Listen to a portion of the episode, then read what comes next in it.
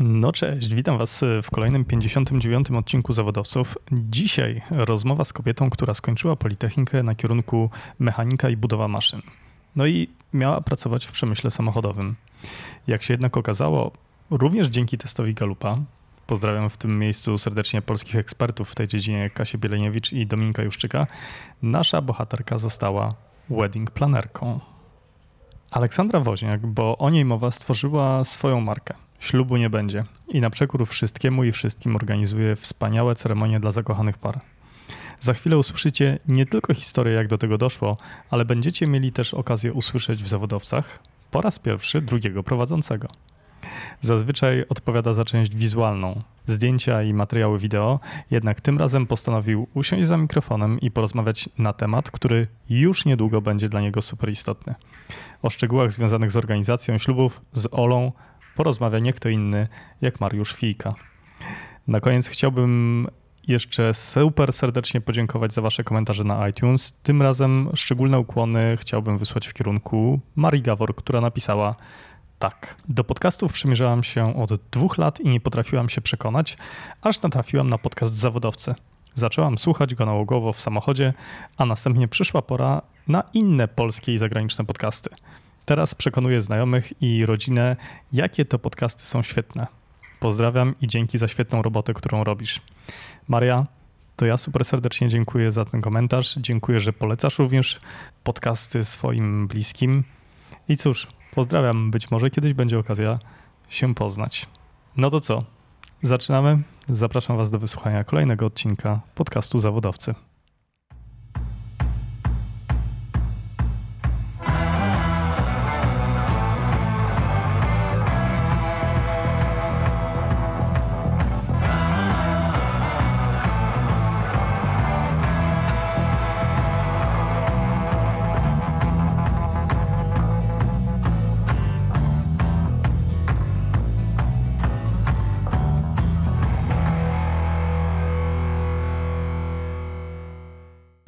Cóż, witamy Was w kolejnym odcinku z podcastu Zawodowcy.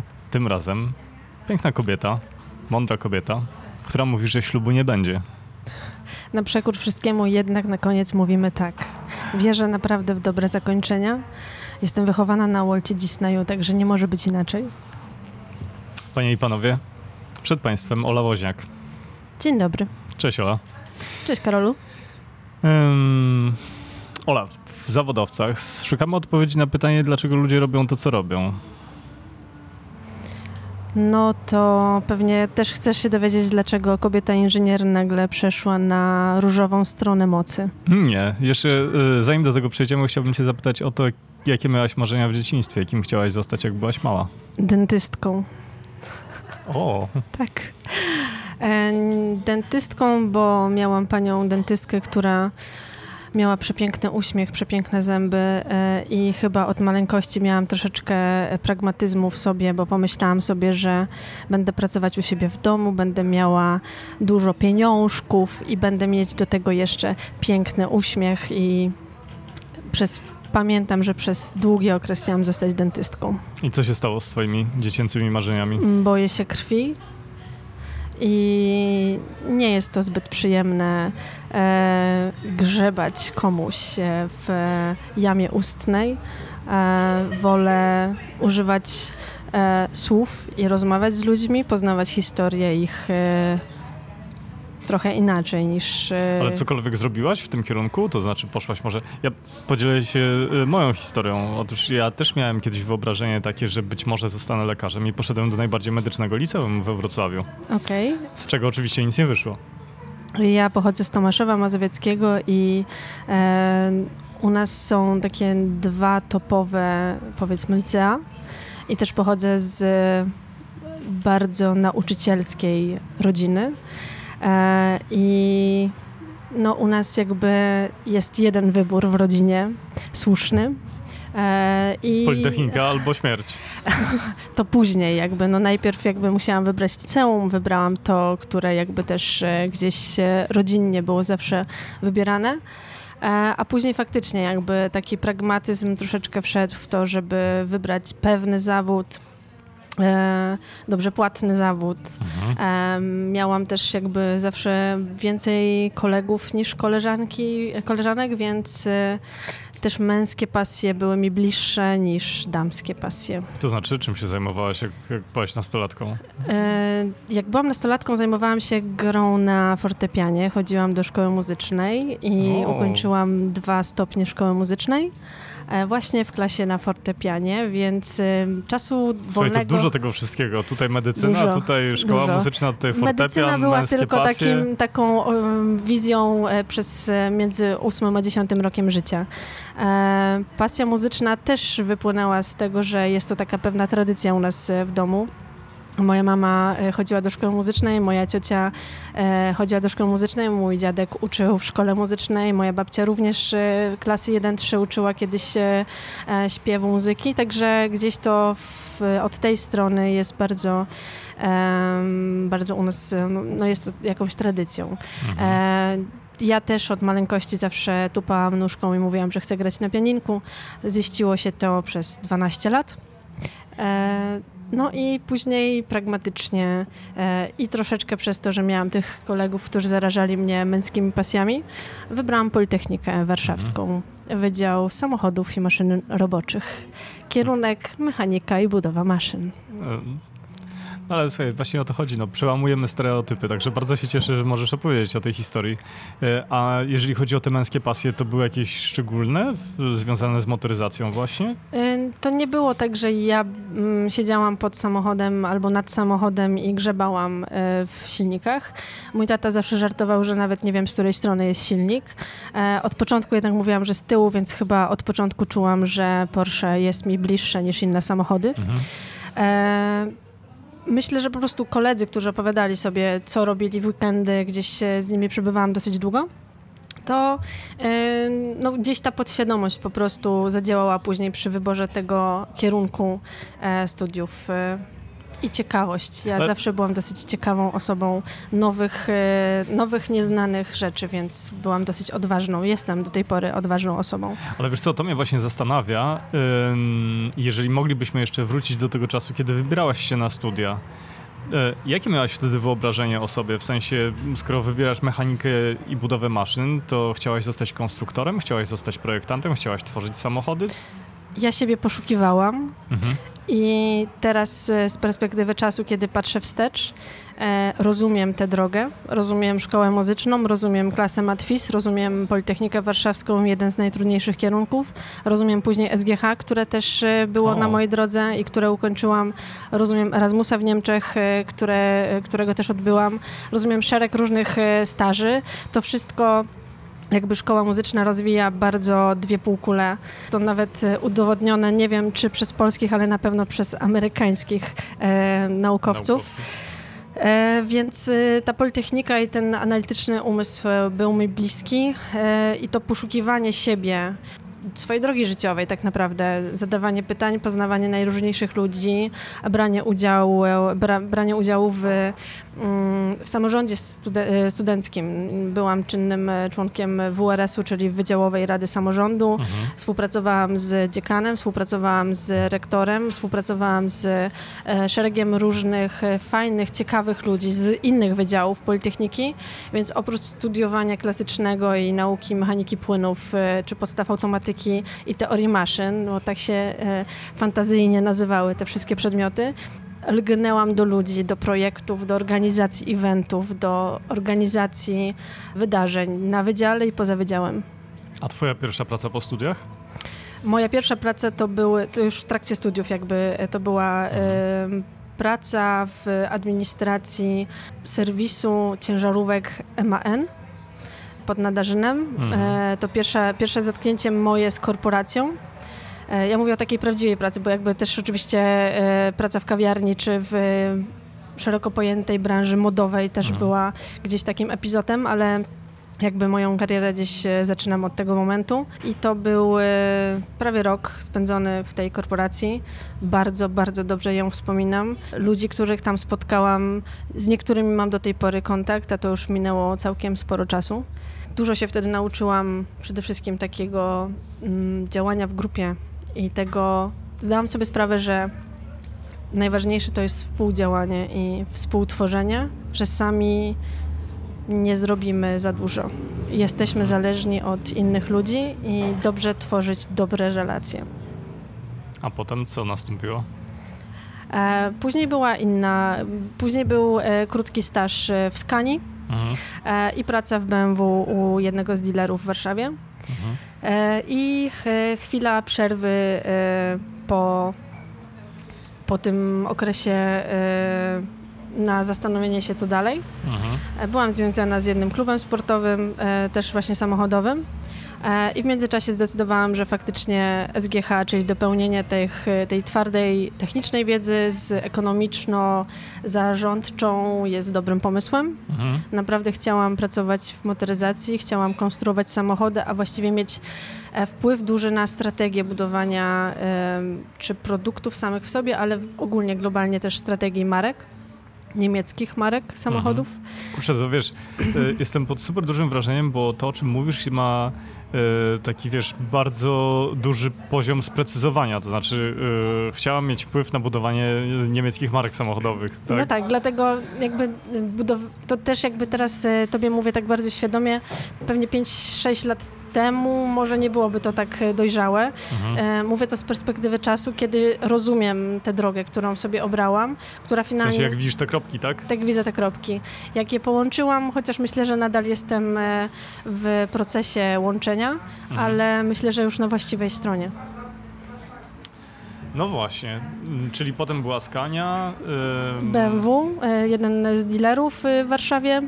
Chwila przerwy od korporacji, E, studia na SGH-u e, i trafiłam do dużej, bardzo fajnej też korporacji, nie związanej zupełnie z motoryzacją, ale bardzo silnym marketingiem, sprzedażą, trade, market, trade marketingiem, czyli Philips Polska. Mhm. Również wspominam to bardzo dobrze. Miałam niesamowitą szefową i super zespół, który wycisnął ze mnie przez ten pierwszy okres e, takiego, no to był półroczny taki staż, właściwie młodszy specjalista trade marketingu, e, wycisnął ze mnie w pozytywnym tego słowa znaczeniu wszystko, wszystko co, co mógł wycisnąć i wiele się nauczyłam.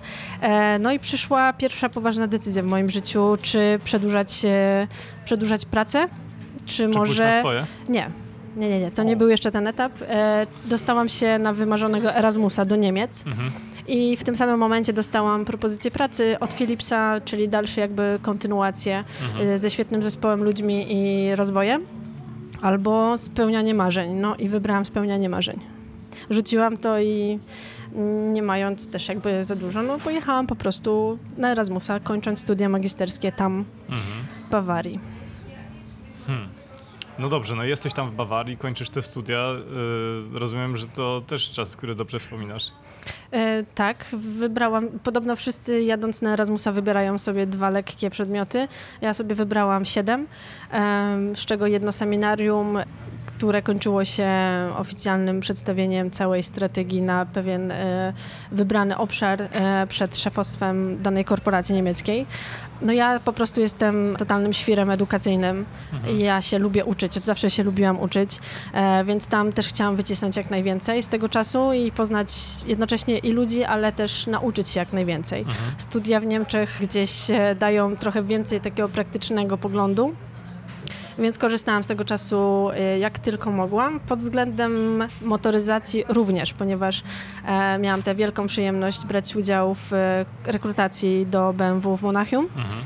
E, miałam rozmowę właśnie w siedzibie mm, i mm, starałam się o posadę na brand managera do nowo, nowo powstającego motocykla BMW. O kurczę.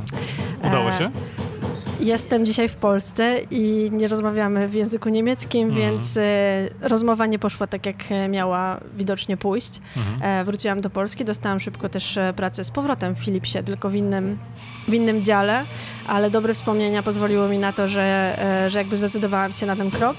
I to był mój ostatni epizod w karierze tej korporacyjnej. Mhm. Super, że dochodzimy do tego momentu, bo to jest zawsze chwila, która mnie bardzo zastanawia. Co się stało? Że doszłaś do wniosku, że kurczę, jednak nie będę w tej branży motoryzacyjnej, tylko założę swoją firmę i będę robiła coś zupełnie innego niż wcześniej planowałam. Podobno nie, nie jest problemem, jeżeli ludzie popełniają błędy. Problemem jest to, kiedy popełnia się te same błędy. I ja sobie przeanalizowałam e, moją ścieżkę i zauważyłam, że zawsze w tych pracach, ponieważ moim CV nie zobaczysz 3-4-letniego ciągu w jednej korporacji, to były do roku czasu epizody, E, takie punktowe. Takie, punk takie punkty właśnie, które jakby z bliższego planu wydają się totalnie bez przemyślunku i, i jakieś takie od y, czapy, mówiąc brzydko. A jeżeli pójdziemy w, w, dalszy plan, to zauważasz takie właśnie e, powtarzający się motyw tego, że wolność która, wolność wyboru, wolność, szeroko pojęta wolność, którą ja wiem, że jest to dla mnie jedna z najważniejszych wartości w życiu i wpływ na moje życie jest dla mnie kluczowe. W mhm. korporacji tego nie doświadczyłam. Zawsze byłam zależna od kogoś, od czyjejś decyzji, od czyjejś E, długich, czasami cykli takich e, podejmowania decyzji, tak? E, mimo tego, że spotykałam ciekawych, fajnych ludzi, mogłam robić ciekawe projekty, to jednak kończyło się to tak, że gdzieś moja niepokorność, bardzo często mi to zarzucano wcześniej, że jestem niepokorna, że właśnie brak mi pokory, że chcę za szybko, że chcę za bardzo. Mhm. No więc wyjechałam na trzy dni pod Nałęczów E, rozłożyłam e, książkę e, Olgi Kozierowskiej Mój przyjaciel kryzys i przeczytałam historię, tam są historie kobiet w najróżniejszym wieku, w najróżniejszej sytuacji. Gdzieś sobie poczułam się też lepiej z tym, że okej, okay, ten kryzys jest dobrym objawem, to znaczy możemy z tego coś fajnego wyciągnąć. E, zrobiłam sobie swojego własnego słota, mhm. e, jakie mam swoje mocne strony, jakie słabsze, jakie doświadczenie, co potrafię, co lubię. No i e, bazując też na testy, teście Galupa, kiedy w 2012 roku sobie go zrobiłam, wyszło wszystko razem, że kierunek eventów, ta branża kreatywna e, jest moją branżą. Mhm. E, jako, że zawsze mierzę wysoko, pomyślałam, no to okej, okay, jakie eventy w takim razie? No jeżeli robić eventy, to tylko królowe imprez, czyli śluby. Mhm. Najbardziej emocjonalne z to możliwych. Pierwszy raz się spotkałem z tym, z tym określeniem, ale bardzo, bardzo to ciekawe. Najbardziej emocjonalne e, wydarzenia w życiu każdego człowieka. Ślub i pogrzeb. Tak. Ja jednak, tak jak wspominałam na początku naszej rozmowy, jestem wychowana na Walcie Disneyu i jednak wolę e, śluby od pogrzebów. Niestety z pogrzebami też mam swoje osobiste doświadczenia, które też wpływają na branżę, którą wybrałam. Niestety nie ma już przy mnie trzech moich najważniejszych kobiet. E, mamy i dwóch babć.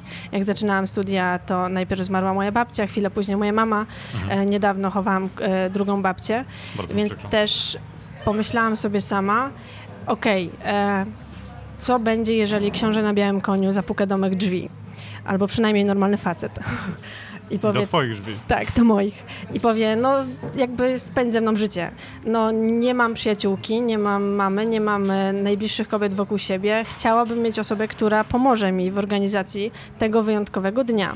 O, ciekawe. Więc y, troszeczkę siebie stwarzam dla innych dziewczyn, które może mają podobną historię, może mają podobne zagwozdki, może dosyć często też słyszą, no to kiedy ten facet. E, stąd też może nazwa e, ślubu nie będzie, e, na przekór wszystkiemu. I myślę, że to jakby wyszło z i nazwa, i branża z połączenia doświadczenia osobistego, zawodowego, obserwacji, e, z moich umiejętności, z moich talentów. To jest taki totalny miks, mhm.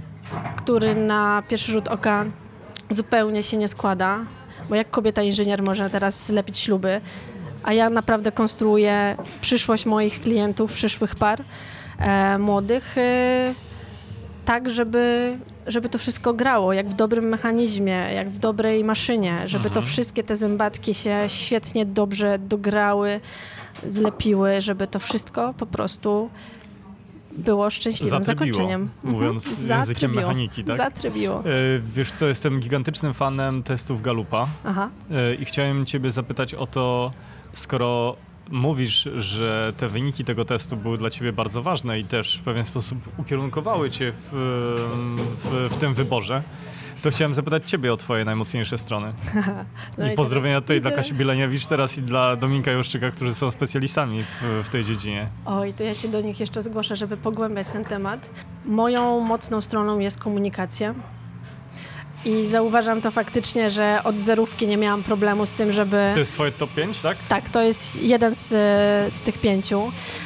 Więc komunikacja, y, realny wpływ na ludzkie życie. To znaczy, to, co mam robić, to ma być jakby z wpływem, z impaktem totalnym dla, dla innych. Rozwiązywanie problemów. Mhm. To jest trzeci z pięciu. Czar, na Politechnice przydawał się ten czar, kiedy trzeba było y, udowodnić panu, że ten projekt sprzęgła, który wykonałam własnymi małymi łapkami, naprawdę zrobiłam ja, a nie kupiłam. Mhm. Później musiałam udowadniać przez 45 minut panu, że naprawdę zrobiłam to wszystkie, e, bo tam były dwa rysunki, złożeniowy i wykonawczy. Wykonawczy trzeba było gdzieś pokazać jakby wymiary, chropowatości mhm. i tak dalej. Tam troszeczkę coś pomyliłam, więc jakby w porządku ale złożeniówka była bezbłędna. Ja wręcz zjadłam pana Kurmaza, to jest taka biblia dla konstruktorów.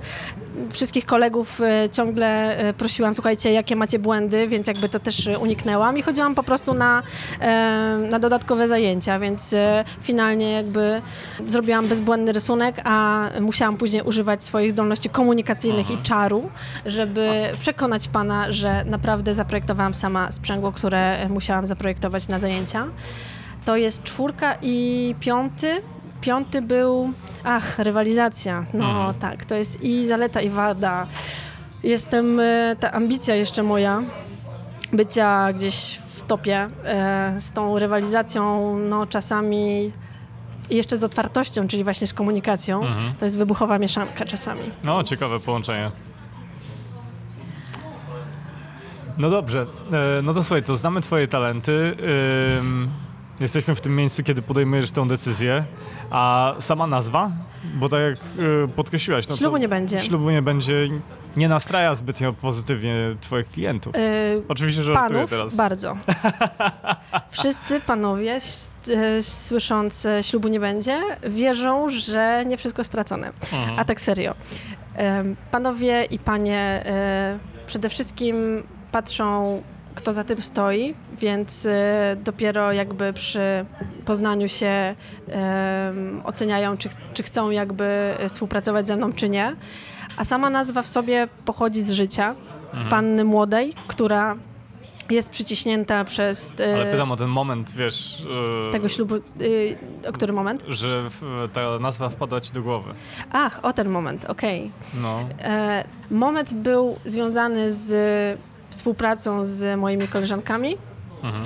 E, kiedy gdzieś myślałyśmy o czymś wspólnym, mhm. jednak jakby te wizje się gdzieś tam rozjechały i, i gdzieś finalnie krzyknęłam ślubu nie będzie, bo to miało, mhm. miałyśmy iść gdzieś w stronę ślubów. Ja krzyknęłam ślubu nie będzie, poczułam totalne ukucie swojej intuicji, trzeciego oka, e, zwał jak zwał, e, ale pamiętam, mam do tej pory tę kartkę, zanotowałam sobie, to ślubu nie będzie.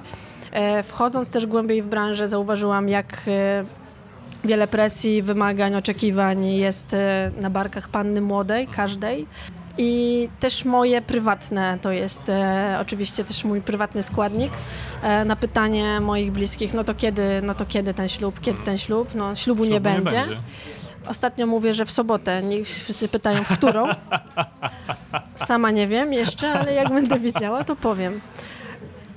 Także myślę, to jest wszystko u mnie e, gdzieś, e, bardzo, bardzo dużo w ogóle w moim życiu e, dzieje się z takiej intuicji słuchania tego głosu wewnętrznego. Gdzieś ktoś ostatnio nawet też, ktoś, kto siedzi w biznesie trochę dłużej niż ja żyję, powiedział sam, słuchaj, słuchaj, powiedział, słuchaj intuicji. Mhm. Wiedza, jakieś doświadczenie, to co ludzie robią, okej, okay, ale intuicja to jest ta wiedza, którą ty już masz w sobie. Po prostu się wsłuchaj w siebie. E, więc e, staram się, bo na razie jeszcze to nie jest takie proste, żeby w tym biegnącym świecie się wyciszyć na tyle, wsłuchiwać w ten głos, który A masz bardzo takie fajnie. patenty właśnie na wsłuchiwanie się w swoją intuicję? Zaczęłam uczyć się medytacji uważności. Mhm. Jestem teraz w procesie. To mi pozwala się gdzieś wyciszyć i mojego wewnętrznego krytyka troszeczkę obciąć ze skrzydeł, które szybko mu rosną. A jak wygląda taka medytacja uważności i taki trening uważności? E, wsłuchujesz się w swoje ciało e, i przeżywasz tu i teraz siebie po prostu siedząc albo leżąc, wsłuchując się w dane mantry, które są zaproponowane przez, e, przez e, twórców tej, tego kursu. Mhm. E, I na przykład masz drobne ćwiczenia polegające na przykład na zjedzeniu uważnie rodzynki. Krok po kroku jesz jedną małą, suchą Mhm. rodzynkę Mhm.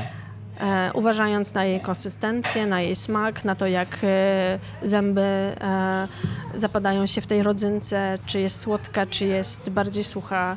To jest cały proces, to brzmi teraz kosmicznie, a kiedy to zrobisz raz, drugi, trzeci, zaczynasz naprawdę się troszeczkę zatrzymywać i myśli, tysiąc różnych myśli, które codziennie młodemu przedsiębiorcy e, biegną przez głowę, nagle gdzieś odlatują boczną drogą i skupiasz się na tej rodzynce. Mhm. To jest tylko pretekst, ale to uczy później uważności do całego życia, do całego świata.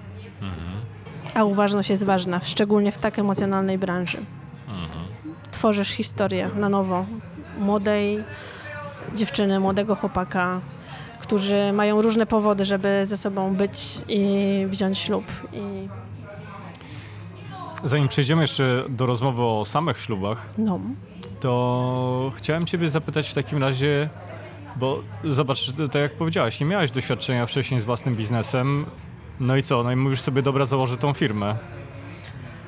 Y, Nie miałam, mm, tak, nie miałam doświadczenia żadnego y, z biznesem. Nie pochodzę z rodziny y, przedsiębiorczej, w sensie nie ma u mnie tradycji zakładania firm. Miałam w sobie na tyle zbuntowania na powtarzający się schemat korporacji, gdzie nie mogłam decydować o sobie. Miałam Bo, bo to było tak, przepraszam, że Ty pożegnałaś się z etatem i założyłaś firmę, czy zakładałaś firmę jednocześnie jeszcze pracując? Skoczyłam na super głęboką wodę, odłożyłam sobie e, podusie na rok i skoczyłam na głęboką wodę. Mhm.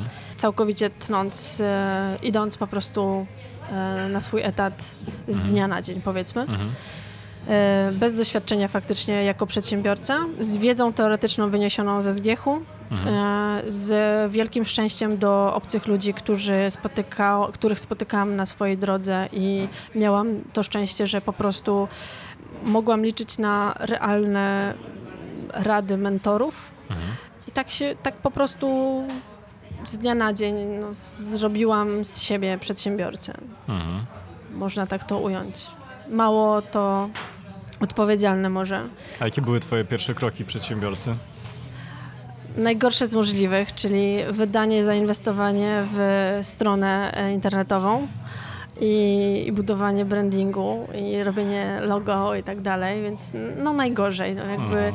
wszyscy ze zgiechu e, no teraz powinni się wyprzeć, że miałam z nimi zajęcia, bo tak się nie robi. Ale gdybym tego nie zrobiła, to nie wiedziała, więc młodszym koleżankom i kolegom trąbię na prawo i lewo, nie róbcie tego. Zainwestujcie najmniej jak tylko się da, albo zróbcie samemu w darmowych aplikacjach. Mhm. Ja tego nie wiedziałam, nikt I mi też nie podpowiedział. Tak, i więc okej, jakby no, miałam jakieś e, swoje doświadczenie w ślubach e, u znajomych, u, u e, koleżanek czy kolegów, ale no, budowałam wszystko od samego początku.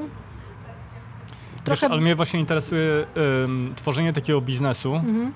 Y, tak jak mówisz, być może miałaś doświadczenie, w sensie komuś pomagałaś zorganizować ślub i tak dalej, ale no tak jak rozmawiamy, jesteś stosunkowo młodą osobą, która nie miała wcześniej ani firmy, działała w całkowicie innej branży, a tutaj mówisz sobie tak, dobra, mam tą poduszkę finansową na rok, Mhm. rzucam wszystko, zajmuję się tym. Robię branding strony i tak, Tak, dalej. tak, tak. I co dalej? E, dalej, no trzeba byłoby Wiesz, znaleźć interesuje mnie też ta do, droga do tego pierwszego klienta i w, wśród znajomych po prostu. Powiedziałam, słuchajcie, dajcie mi zrobić wasz ślub y, za darmo.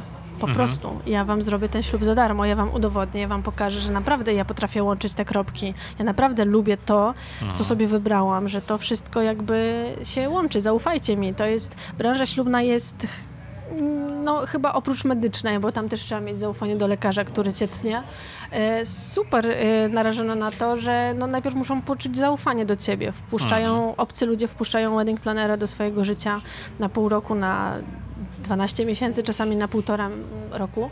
E, Ty z nimi e, jeździsz i w lepsze i w gorsze dni, poznajesz czasami rodziców, e, poznajesz jakieś wewnętrzne też zgrzyty, dramaty, kłótnie.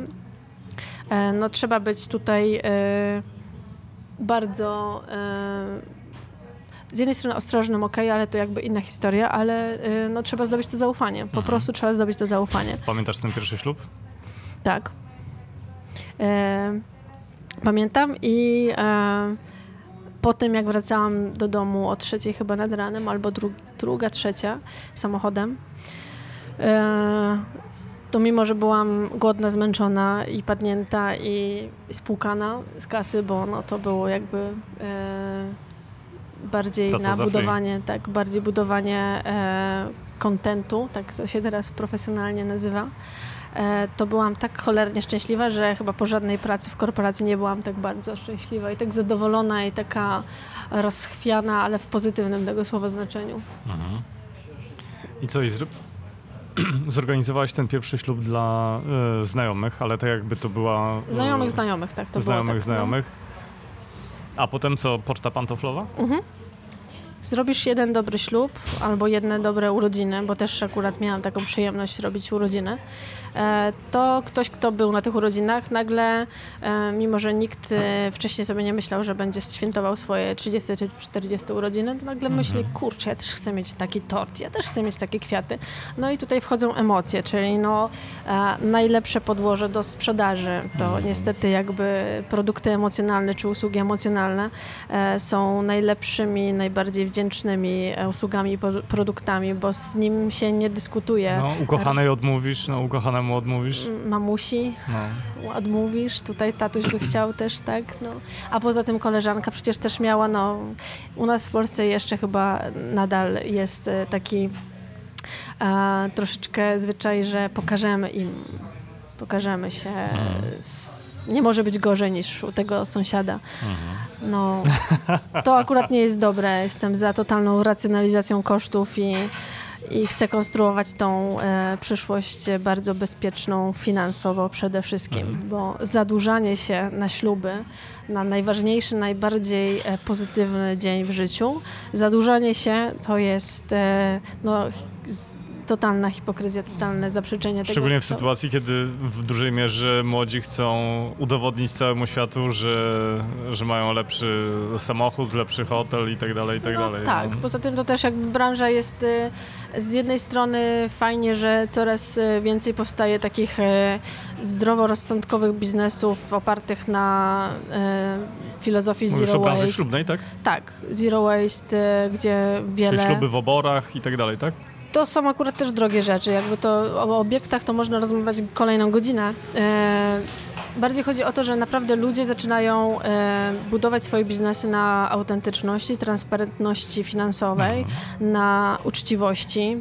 Co mnie bardzo cieszy, bo jestem zdania, że na właśnie takiej transparentności i uczciwości można budować bardzo dobre biznesy, które dają zarówno. A, co- a co masz na myśli mówiąc o, o takiej transparentności w biznesie? Mówisz o tym, że sprzedaję ci produkt i mówię ile kosztował, ile na nim zarabiam i tak dalej, czy, czy o co chodzi? No mówię on tak, na przykład tak. Pokazuję usługę i dokładnie informuję każd- każdą jakby z każdej godziny się rozliczam. Mhm. Pokazuję, słuchaj, e, ja budowałam te kontakty, z których ty teraz korzystasz tyle i tyle czasu. Musiałam pojechać tu i tu.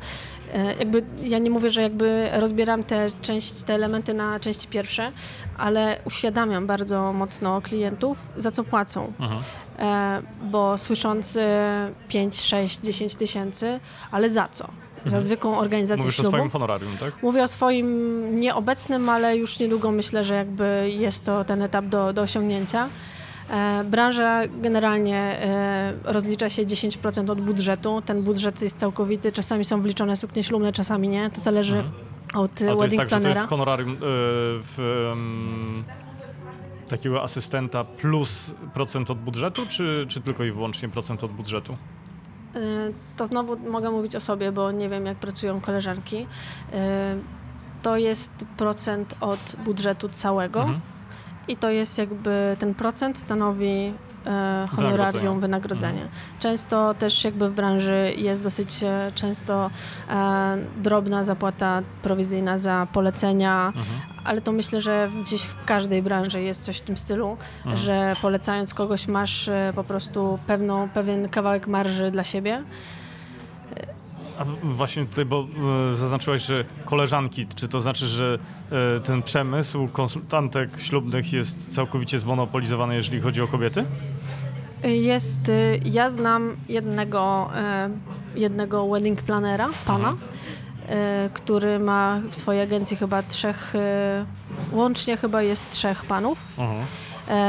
Nie obiło mi się o E, oczy, a nie uszy, e, żeby byli inni mężczyźni w tej branży, jeżeli chodzi o wedding planerstwo, mhm. ale na przykład kwiaty.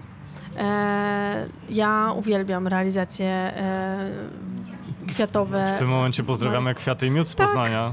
Tak, pozdrawiam Was bardzo, bardzo, bardzo. Uwielbiam Wasze na razie instagramowe. Nie, jeszcze nie dojechałam do Poznania, e, akurat do nich. E, są rewelacyjni, mhm. są rewelacyjni e, i fajnie, że faceci pokazują, właśnie przełamują, bo to jest jakby z jednej strony ja przełamałam będąc na Politechnice. Warszawskiej, a z, ten stereotyp dziewczyny z Politechniki, nie wiem czy słyszałeś te żarty, ale nie wiem czy to jest dobry moment, żeby opowiadać żarty.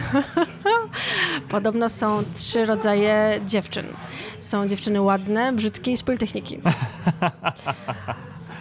Ale wiesz co, ja pamiętam, że akurat y, na studiach u nas y, była prawda taka, że dziewczyny z Politechniki to były dziewczyny najlepsze do imprez. W sensie tam właśnie nigdy nie było problemu.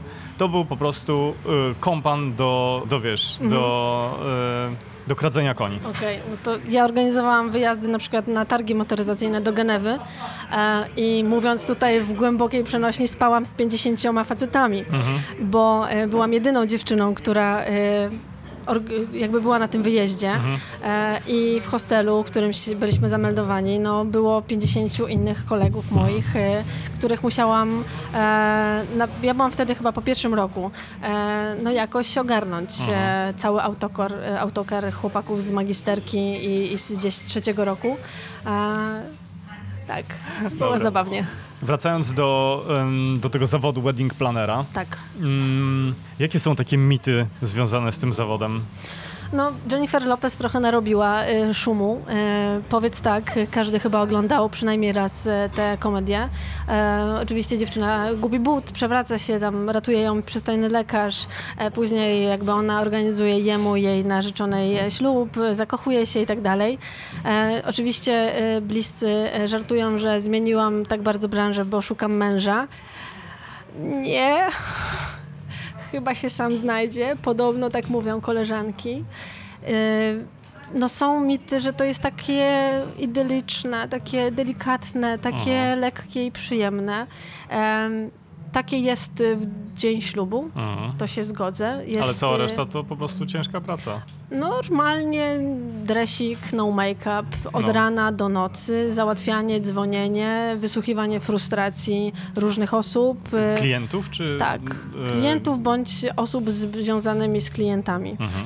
Mm, sprostanie oczekiwaniom, e, które są czasami nie do sprostania. No, ja nie jestem wróżką mhm. e, i nie załatwię nagle kwiatków, które nie występują w danym z, miesiącu. Mhm. Okej, okay, jakby mogę je, mogę je załatwić, jeżeli będę miała odpowiedni budżet. E, a budżety często są tak bardzo niedoszacowane też. To jest, e, z jednej strony są kredyty, a z drugiej strony jest totalnie nieświadomość ludzi. Chcesz też powiedzieć, że ludzie biorą kredyt na, tak. na zamąż pójście? Tak, tak, tak. Mniejszy, większy. Zależy. Albo zapożyczają zwraca im się to w sensie skopartowego? Czasami czy... tak, czasami nie. Czasami budzą się rano, mówią, kochanie, jesteś moją żoną, a teraz spłacamy razem kredyt. Żartujesz. To, to jest rzecz, naprawdę trudno mi sobie to, to wyobrazić. E, póki nie A zaczęłam... znasz na, najwyższy kredyt, który był do spłacenia po weselu? Nie znam, nie znam. Nie znam. E, jestem w trakcie dochodzenia też do takich badań, e, takich danych e, dokładnych, ale zauważam wśród różnych czy klientów, czy znajomych nawet, że ludzie się wspomagają takimi rozwiązaniami. Nie zawsze korzystnie wychodzą na tym, no bo mhm. koperty tak zwane się nie za bardzo zwracają. E, różnie to bywa. Ale z kopertami się nic nie zmienia, to jest podstawowy prezent. E, raczej tak, aczkolwiek ja zauważyłam jakby u mnie śluby to dopiero początek. Mhm. Ta in, inżynierska główka pracuje e, i gdzieś pracuję nad rozwiązaniem, nad narzędziem skierowanym właśnie do młodych par, e, żeby rozwiązać ten problem, żeby oni się nie zadłużali, żeby mhm. oni... Wiedzieli na ile mogą liczyć, tak? Wiedzieli na ile mogą liczyć, tak. Żeby zaangażowali całą rodzinę, żeby zbudować te emocje, zbudować te relacje, żeby rodziny poczuły, że faktycznie są razem, mhm.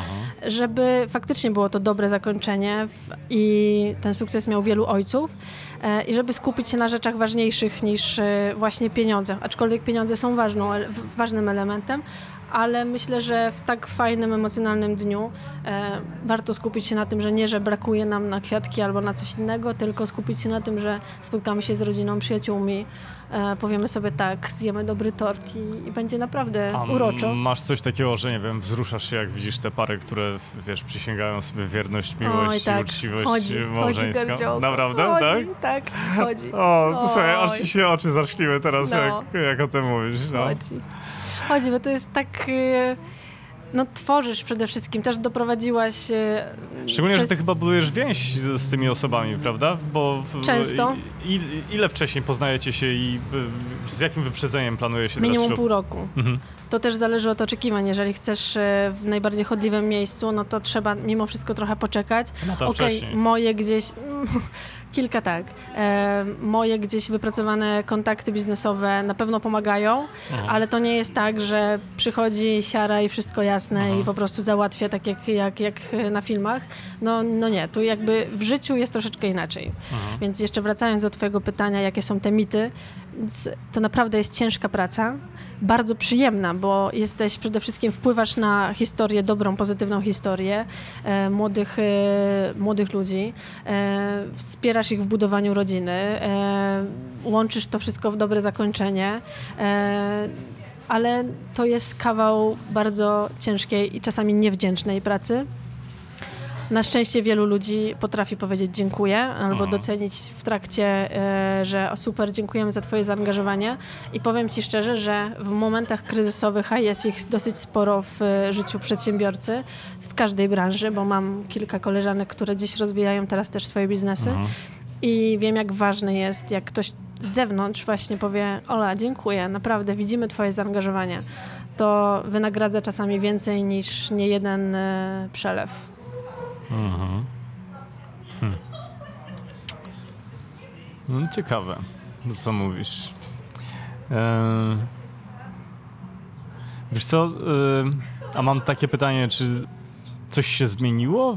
W sensie widzisz, jak te śluby ewoluują? To znaczy, że one są teraz bardziej, nie wiem, światowe, europejskie, wiesz, są jakieś trendy ślubne, coś, coś w tym stylu? Są, są trendy.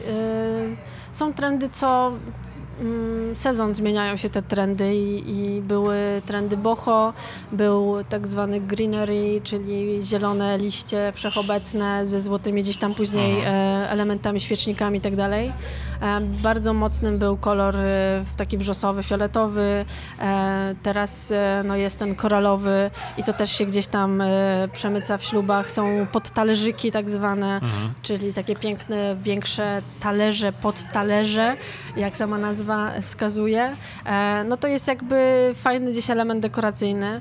E, ja generalnie staram się nie być jakąś trendseterką ślubną.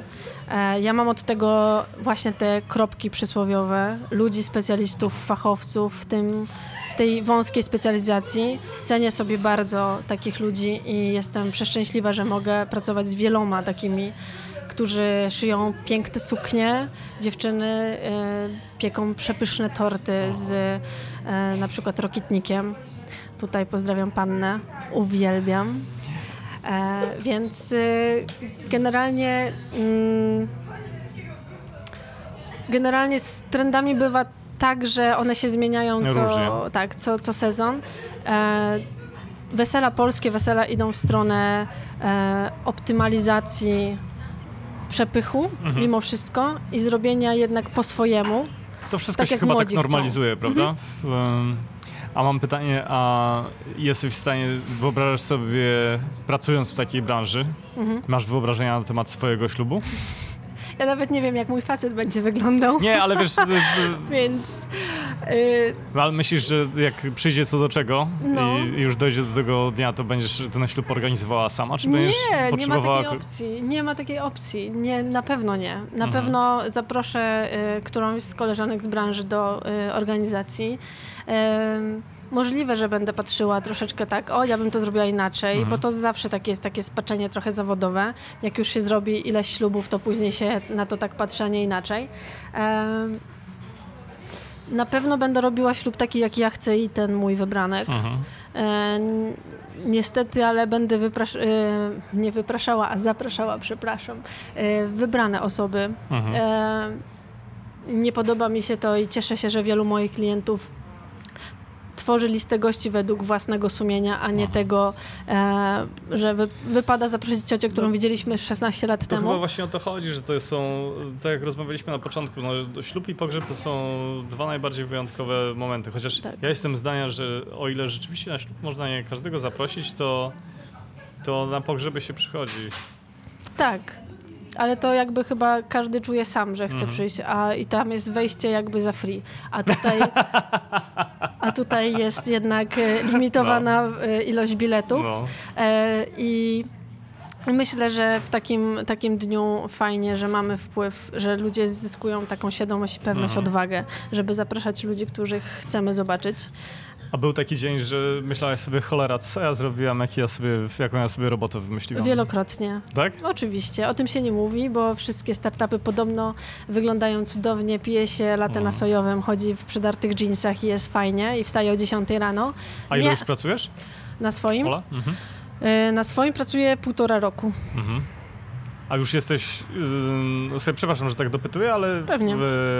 Już przeszłaś break-even, czy dalej inwestujesz w to? E, na razie pomału wynurzam się e, ponad zero. Jest, mhm. Jestem jeszcze. No bo już pod... minął ten rok, tak? No tak. Y, jeżeli patrząc na to pod kątem SGH-u i tych książek, które przyswajałam i do sesji, i z przyjemności, to faktycznie pierwszy rok to była totalna jedna wielka inwestycja. Mhm i strata, strata, strata. A, a teraz pomalutku zaczyna to jakby wychodzić. Może też dlatego, że zaczynam być, e, nie, nie jestem no-name'em, zaczynam mnie branżę znać, rozpoznawać, e, cenić zapewne gdzieś działania. E, zaczynam wchodzić w różne fajne, ciekawe kooperacje.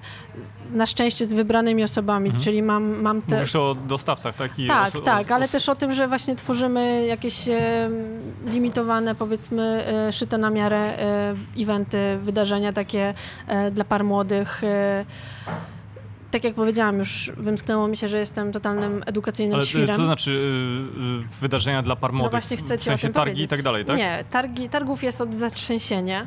E, w targi, targów robić na pewno nie będę, e, chociaż mam pomysł na e, pewien, e, pewien szerszy, większy e, event dla, dla par młodych, ale o tym... Ale to ja czekaj, bo ja nic nie rozumiem już. Nic już nie rozumiesz. No Zgupiałem. Zgupiałem. Skoro to nie, nie, nie event, to, to co to jest za wydarzenie dla par młodych? No nie mogę teraz powiedzieć. Ja bardzo bym chciała. O kurczę. no. no. Musisz mnie zaprosić drugi raz. No dobra, to, yy, to zapytam o coś innego. A wieczory kawalerskie i panieńskie? Bardzo chętnie, ale to zazwyczaj jakby chłopaki chcą po prostu iść na wódkę. E, dziewczyny po prostu chcą pomalować paznokcie albo też się, nie wiem, pobawić w własnym zakresie. E, jakoś tak klasycznie niewymuszone albo pójść, nie wiem, na, mm, na fajne warsztaty kulinarne.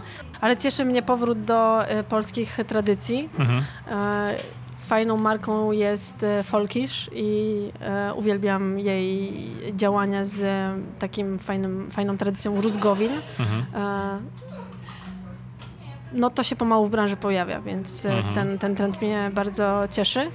Mm. Dużo Instagram chyba też zmienił, prawda? Bo ludzie czerpią coraz więcej inspiracji. To jest patrzą... czasami zło. Mhm. Instagram i Pinterest to jest zło, dlatego że przychodzi panna młoda i mówi: O, o, o, takie, takie bym chciała mieć, takie, takie bym chciała mieć. A, A ja wtedy mówię: no. e, e, Tego się nie da. Jak to się mhm. nie da? No i to jest tak jak troszeczkę z elektrykiem i z architektem na przykład wnętrz. W sensie to ładnie znaczy, wygląda na zdjęciach, tak, ale... ładnie wygląda, a później elektryk wchodzi i mówi, no pani tutaj to no, nie, nie przelecimy tutaj, bo tu jest taka ściana i tak dalej, więc tak samo wygląda to w pracy z wedding plannerem, który mówi bardzo chętnie, uh-huh. tylko nie za taki budżet, albo po prostu tych kwiatów teraz nie ma, albo cokolwiek innego, ale masz rację, zdecydowanie Pinterest y, i Instagram to jest takie źródło inspiracji uh-huh. z mhm. tej dobrej strony. E, no i przede wszystkim e, budowania świadomości o tym, że taki, taka usługa w ogóle pojawiła się w Polsce, że jest. Ona no. jest już 14 lat w Polsce, więc to jest kawał czasu. E, dzieje się coraz więcej w branży, coraz więcej dziewczyn chce nie tylko zorganizować właśnie swój ślub, ale idą o krok dalej i zostają wedding planerkami. Sporo biznesów upada. A mam pytanie, no. a najdroższy ślub? nie robiłam go mhm. jeszcze, ale słyszałam, ale że... Ale takie, wiesz, no to e, milion złotych e, pękło. A w kopertach? A w kopertach to nie wiem. a słuchaj, a, a najtańszy, który widziałaś, który zrobił na tobie największe wrażenie? Hmm.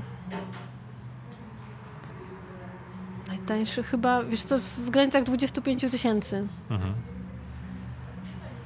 To zależy od oczekiwań, wiesz, no można naprawdę tak, tak zrobić tak, przepiękną kolację ozdobić się stół kwiatami, e, zadbać o e, muzykę na żywo, e, na, na instrumentach.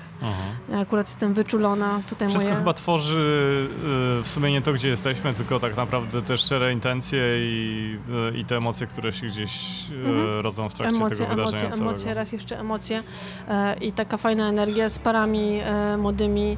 Jak się spotykasz, poznajesz właśnie te inne historie, to też mnie uczy jakiejś pokory. Mhm. Zdecydowanie mogę powiedzieć, że teraz e, nie jedna pani od HR-u, z którą rozmawiałam, byłaby zadowolona i szczęśliwa, że kiedyś mnie e, po prostu opieprzały, że jestem mhm. strasznie niepokorna i buntownicza, a w tym momencie e, poznając najróżniejsze historie zyskuję na pokorze, zyskuję też na takiej mądrości, bo no, poznajesz też innych podwykonawców, mhm. inne historie biznesowe, łączycie się w tym bólu i w tym, tych lepszych momentach i po prostu no, chłoniesz, y, chłoniesz to życie. No, to jest fajne. To jest najlepsze y, jakby y, najlepszy element tego, że przeszłam na swoje. Jakbyś nie robiła tego, to wróciłabyś do samochodów? Zawsze mogę, no. mam na to papiery na szczęście, więc to nie jest zamknięta y, gdzieś, hmm. gdzieś element. Na pewno nie byłabym konstruktorem, bo siedzenie 8 czy 10 godzin przy biurku i projektowanie w kadzie to nie jest y, mi bliskie, hmm. e, ale pewnie mogłabym wrócić, tylko hmm. wiesz, ja też zauważyłam z perspektywy czasu, że po prostu budowanie biznesu, budowanie czegoś od nowa, e, daje mi niesamowitą frajdę. No. E, i, I to jest piękne. Więc no. myślę, że jak nie śluby, jak, jak mi nie wyjdą śluby, to raczej nie wrócę do korporacji, no hmm. chyba, że komornik zapuka do mych drzwi. Ale... Praca na własny rachunek zmienia, nie? Zmienia, ale to jest po prostu niesamowita przygoda. Naprawdę proces, który e, no, trzeba mieć troszeczkę odwagi, mhm. ale warta jest, to, to poświęcenie jest warte. Pięknie powiedziane. Y, Olu, słuchaj, dzisiaj ten odcinek będzie wyjątkowy i specjalny, ponieważ jest nie jeden, a dwóch prowadzących. Doszliśmy do wniosku z Mariuszem Fiką, z którym e, wow. tworzymy wspólnie zawodowców. Mariusz jest zazwyczaj odpowiedzialny za zdjęcia że w związku z tym, że ja jestem już dawno po moim ślubie i być może z racji na mój wiek już o pewnych rzeczach zapomniałem i o pewnych rzeczach mogę nie pomyśleć, to pomyśleliśmy, że może Mariusz też porozmawia z tobą z perspektywy, no jakby nie patrzeć, młodego człowieka, przed którym jeszcze wszystko. Okej, okay, czyli potencjalny klient, jednym słowem. Mariuszu, witam cię serdecznie po raz drugi. Jest mi niezwykle przyjemnie powitać cię po tej stronie mikrofonu, jednocześnie być świadkiem twojego podcastowego debiutu. Cześć Karolu, witam cię serdecznie. Mm, witam też wszystkich słuchaczy. E, witam cię, Olu, ponownie. Witaj, witaj. E, ja mam dla Ciebie właśnie takie troszeczkę pytanie z innej strony. E, a mianowicie, czy masz jakieś takie specjalne rady dla przyszłej młodej pary? W jaki sposób mają się przygotować, e, w jaki sposób mają do tego podejść, e, w jaki sposób, z czym muszą wyjść do wedding planera, mm, jakie informacje muszą posiadać, co muszą wiedzieć?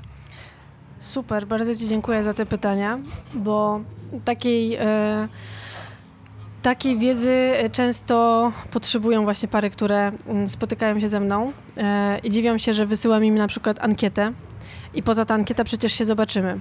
No tak. E, przede wszystkim musicie sobie razem ustalić z przyszłą małżonką, jaki macie budżet i ile jesteście w stanie ewentualnie dołożyć, zazwyczaj się dokłada do, do budżetu i czy macie, czy was na to po prostu stać.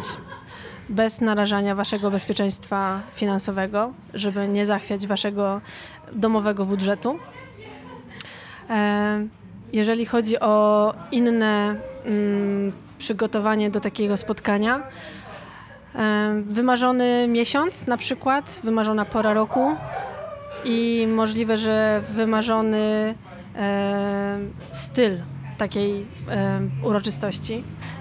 Nie musicie absolutnie znać miejsc, nie musicie absolutnie wiedzieć, jaki ma być fotograf e, i jaki smak tortu i tak dalej.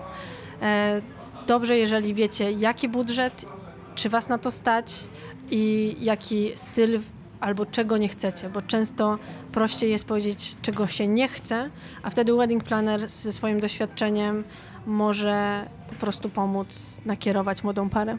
Okej, okay. a skoro zaczęłaś od kwoty, że to jest, jest taki ważny element, powiedz mi, czy ty jako wedding planerka podejmujesz się też ślubów, które są z niższym budżetem? Czy masz jakąś taką kwotę minimalną, od której startujesz i od której się podejmujesz i mówisz, dobra, okej, okay, działam z wami? Ja czy, to ma, czy to są jakieś, mhm. czy są jakieś haczyki, czy, czy to po prostu jest wszystko do, do ugadania? E, przede wszystkim e, ja nie dyskryminuję żadnej pary i nie rozliczam się e, na podstawie prowizji od budżetu. Rozliczam się na podstawie wykonanej pracy i tego, jak, czego oczekują ode mnie Państwo młodzi. Małe śluby czasami są bardziej pracowite, bardziej czasochłonne i skomplikowane niż duże, bardzo schematyczne e, przyjęcia. Okej. Okay. E, wspomniałaś też o ankiecie. Mm, co taka ankieta zawiera? Mm, co, co, co w niej jest? Od pytań prostych, czyli właśnie budżet, jaki okres czasu, w jakim e, okresie czasu chcą, e, aby ceremonia się odbyła, e, poprzez wymagania, jak czy ma być to ślub kościelny, plenerowy, humanistyczny, czyli taki w miejscach, gdzie ani urzędnik, ani tym bardziej mm, osoba, no, ksiądz nie zjawi się na takim ślubie. To jest bardziej przedstawienie i show niż e, mm, nie ma to konsekwencji prawnych. Okay. Taki ślub. Mhm. Jeżeli chodzi o dalsze pytania, pytania do dekoracji, mm, opisu miejsca wesela, stylizacji panny młodej, stylizacji pana młodego, poprzez e, papeterię, zespół, DJ-a, E, możliwe, że jakieś kwartety smyczkowe. E, Czyli to jest dość spora ankieta. Tam jest, moja ma cztery strony. O kurde, no to, no to rzeczywiście dużo. Oczywiście młodzi wypełniają czasami 100%, czasami 20%. E, główne dla mnie kluczowa jest pierwsza strona, czyli to, o, o czym opowiadałam na początku. Budżet i oczekiwania wobec tego, ile to ma być osób, jaki to ma być styl. Jestem wtedy w stanie mniej więcej powiedzieć, że okej, okay, coś takiego możemy zrealizować.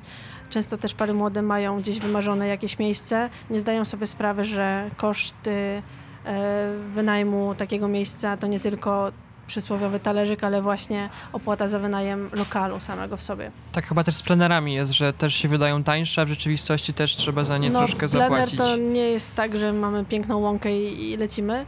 To jest przede wszystkim opłata y, 1000 zł dla samego Urzędu Stanu Cywilnego. Y, za to, że y, tako, taki ukłon w stronę pary młodej zrobi urzędnik. E, no i później rośniemy w siłę, to znaczy ustawienie krzeseł, wypożyczenie krzeseł, najpierw serwis tych krzeseł, e, jakieś ozdoby i tak dalej, i tak dalej.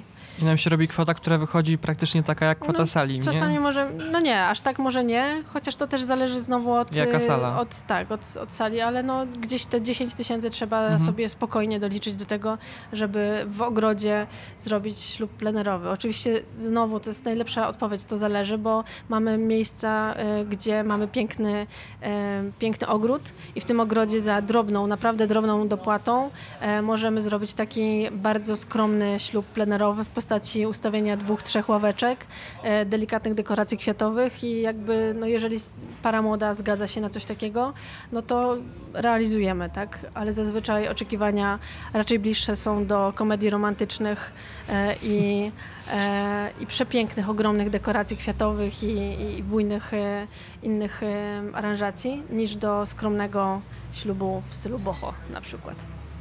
Okej, właśnie. A propos, a propos stylu ślubu. Mm, czy ty jako wedding planerka y, masz jakiś taki swój ulubiony styl, glamour, boho, właśnie w taki, w którym się najbardziej odnajdujesz, taki, który ci sprawia największą przyjemność i który sama bardzo lubisz? Ja bardzo lubię industrialny e, styl. E, takie połączenie e, starych fabryk w nowej właśnie odsłonie, ale w, To nie, chyba z tą Politechniką troszkę się może, wiąże, co? może troszkę tak, może troszkę tak. Em, bardzo mi się podobają takie klimaty loftowe. I osobiście e, Karol wcześniej pytał, jakby wyglądał mój ślub. Mhm. Może, Trudne pytanie zadał. może, może loftowo. Na dzień dzisiejszy, gdybym miała tu i teraz, myślę, że loftowo. Miałeś już okazję taki loftowy, loftowy ślub organizować w takim prawie, lofcie? prawie. Prawie, bo byliśmy przy e, prawie już podpisaniu, zmieniliśmy na inny niestety e, e, obiekt, więc będzie bardziej bardziej glamour teraz, tak mogę to ująć. Okej. Super, no znaczy ogólnie ten temat wedding planningu jest strasznie obszerny. Spotykając się z tobą wcześniej, nie miałem pojęcia, że to jest tak szerokie spektrum, że, że, że to jest tak trudny temat, e, bo osoby, które na to patrzą z boku, jest teraz wiele młodych wedding planerek, w sensie młodych dziewczyn, które chcą zostać wedding planerkami e, i które właśnie wzorują się, tak jak wcześniej wspomniałaś, tym filmem i i ja jestem osobiście w szoku, że, że to jest naprawdę ciężka praca. Tak, no oprócz e, zorganizowania tego fizycznie, żeby to wszystko zgrać w jednym miejscu tych różnych podwykonawców, to musisz być czasami psychologiem, trochę takim socjologiem, żeby jeszcze te e, więzy wszystkie odczytać, e, o co chodzi w relacjach. E, jesteś takim logistykiem, jesteś trochę inżynierem właśnie, e, trochę jednak musisz się trzymać tego biznesu, żeby budżet się po prostu spiął. No, mnóstwo różnych e, profesji pobocznych. E, fajnie, jeżeli się ma to w sobie. Myślę, że pomaga bardzo takie ułożenie i spojrzenie na to. To jest brutalne, ale jednak bez emocji, bo emocje powinny być tylko wśród młodych, a ty jako wedding planner, mimo wszystko takie twarde podejście i Trochę taki cyborg. trochę taki cyborg, to nie chodzi o to tak jak mówię, no ja się wzruszam na ślubach i gdzieś tam USK leci. E, jednak bardziej chodzi o to, żeby para młoda czuła bezpieczeństwo, spokój, taką siłę płynącą od osoby, która faktycznie ich wspiera i nie tylko to, że ach, zapłaciliśmy, niech ona teraz coś zrobi, tylko realnie, jak człowiek do drugiego człowieka poczuł, że ta dziewczyna jest po to, że naprawdę nic się nie stanie, a jak się coś stanie, to ona już wie, co ma zrobić, więc to oparcie dla pary młodej, bycie tym oparciem też jest dla mnie osobiście wielką wartością, bo czuję się po prostu potrzebna, ważna, doceniana. Okej, porozmawialiśmy już o takich pozytywnych stronach tego wedding planningu, trochę tak e, e, o tym, z czym on się wiąże. A, a mam do ciebie jeszcze jedno pytanie a propos e, fuck-upów, które wychodzą w międzyczasie. Czy jest ich dużo, czy często się zdarzają? Myślę, że im więcej doświadczenia, tym mniej fakapów. Jednocześnie nie mamy wpływu na wiele elementów, jak na przykład pogoda. Nie mamy e, wpływu na to, e, że na przykład goście będą zachowywać się tak, a nie inaczej i że na przykład e, totalnie losowo mogą coś zniszczyć, co okazuje się nie będzie zabezpieczone jakimś ubezpieczeniem, bądź na przykład mogą sobie coś uszkodzić sami w sobie, bądź na przykład mogą gdzieś no, spowodować jakieś interakcje międzyludzkie też, które wpłyną jakoś znacząco na, na przebieg wesela. Mm, Myślę, że no, ja mogę podać na przykład taki element e, sukienki, który zaczął nagle przed wejściem do kościoła wystawać. E, to był kawałek takiego mm, pseudoplastiku, bo to była akurat sukienka na tak zwanym kole. Już teraz odchodzi się od takich sukienek, ale to była e, dosyć jedna no, z pierwszych takich gdzieś do, doświadczeń. E, I po prostu zauważyłam, że wystaje ten kawał plastiku i teraz szybka e, opcja do podjęcia, czy panna młoda ma iść z plastikiem do ołtarza, czy robimy szybki ruch e, ręką, wyciągamy to, a później jakoś będziemy montować to na nowo. Wybrałam opcję B, wyszarpnęłam, powiedziałam idź, poszła, powiedziała tak, wróciła. później dopytała w szoku, o co chodzi. Wyjaśniłam. W międzyczasie wpletłyśmy ten element i wszystko się skończyło dobrze. Także e, tutaj też taka trzeźwość umysłu i spojrzenie, łatwość podejmowania decyzji. Podejmowania tego ryzyka i brania odpowiedzialności. Okej, okay, no jakby najgorsza jest taka mielizna, no trzeba podjąć decyzję i to też się liczy w tej branży. Szybkość e, do zmieniających się, czasami bardzo zmieniających warunków na bieżąco. A co sprawiać największą trudność w tej pracy? Taką największą, największą trudność, którą byś sobie chciała poradzić, a, a nie da się? E, największą trudnością jest przekonywanie e, dziewczyn, z którymi pracuję, że są piękne, że naprawdę wyglądają dobrze w sukienkach, które mierzą, że naprawdę e, są warte tego, co e, gdzieś sobie może wymarzyły, ale moje, może boją się powiedzieć na głos.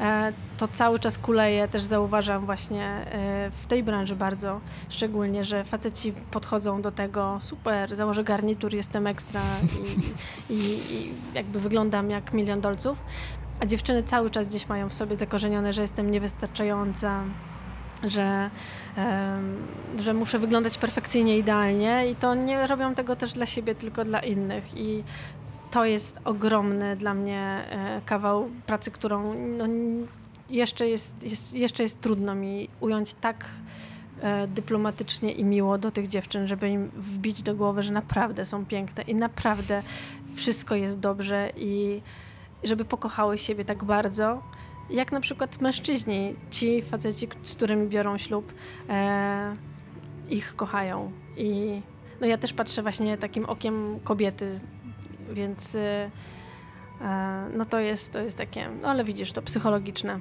No właśnie widzę, że tam dużo takich aspektów jest psychologicznych a jednak, w tym. No. A jednak. Super. Chciałabyś coś od siebie przekazać jeszcze słuchaczom? Dać im jakąś złotą radę? Złotą radę? Mm, myślę, że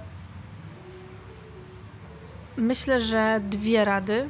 Przede wszystkim to, co już wcześniej mówiłam, słuchanie intuicji E, w biznesie bardzo pomaga. A druga to nie, mów, nie bójmy się mówić o kryzysach, nie bójmy się mówić o złych dniach i ciężkich dniach i tego, że e, coś nie idzie. To nie jest tak, że my jesteśmy nieperfekcyjni, tylko to jest tak bardzo ludzkie i człowiecze, że po prostu coś nie wychodzi i po prostu czasami są takie ciężkie dni, które zawsze przychodzą, prędzej lub później. I proszenie o pomoc, otwarcie do ludzi e, daje ogromnie dużo. Nie bójmy się prosić o pomoc. Zwłaszcza dziewczyny, które dzielnie wchodzą w biznesy i które chcą pokazać wszystkim, jak są silne, jak, e, jak sobie dają radę. Dajemy sobie radę, ale nie bójmy się prosić o pomoc. Życzę wszystkim dziewczynom, chłopakom również e, powodzenia w prowadzeniu biznesu, w karierach korporacyjnych, w wyborze tej drogi zawodowej, którą sobie wybrali.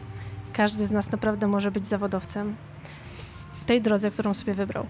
Super, piękne słowo na koniec. Bardzo Ci dziękuję, Olu, było mi niezmiernie miło. Była to moja w sumie chyba pierwsza rozmowa, Karolu.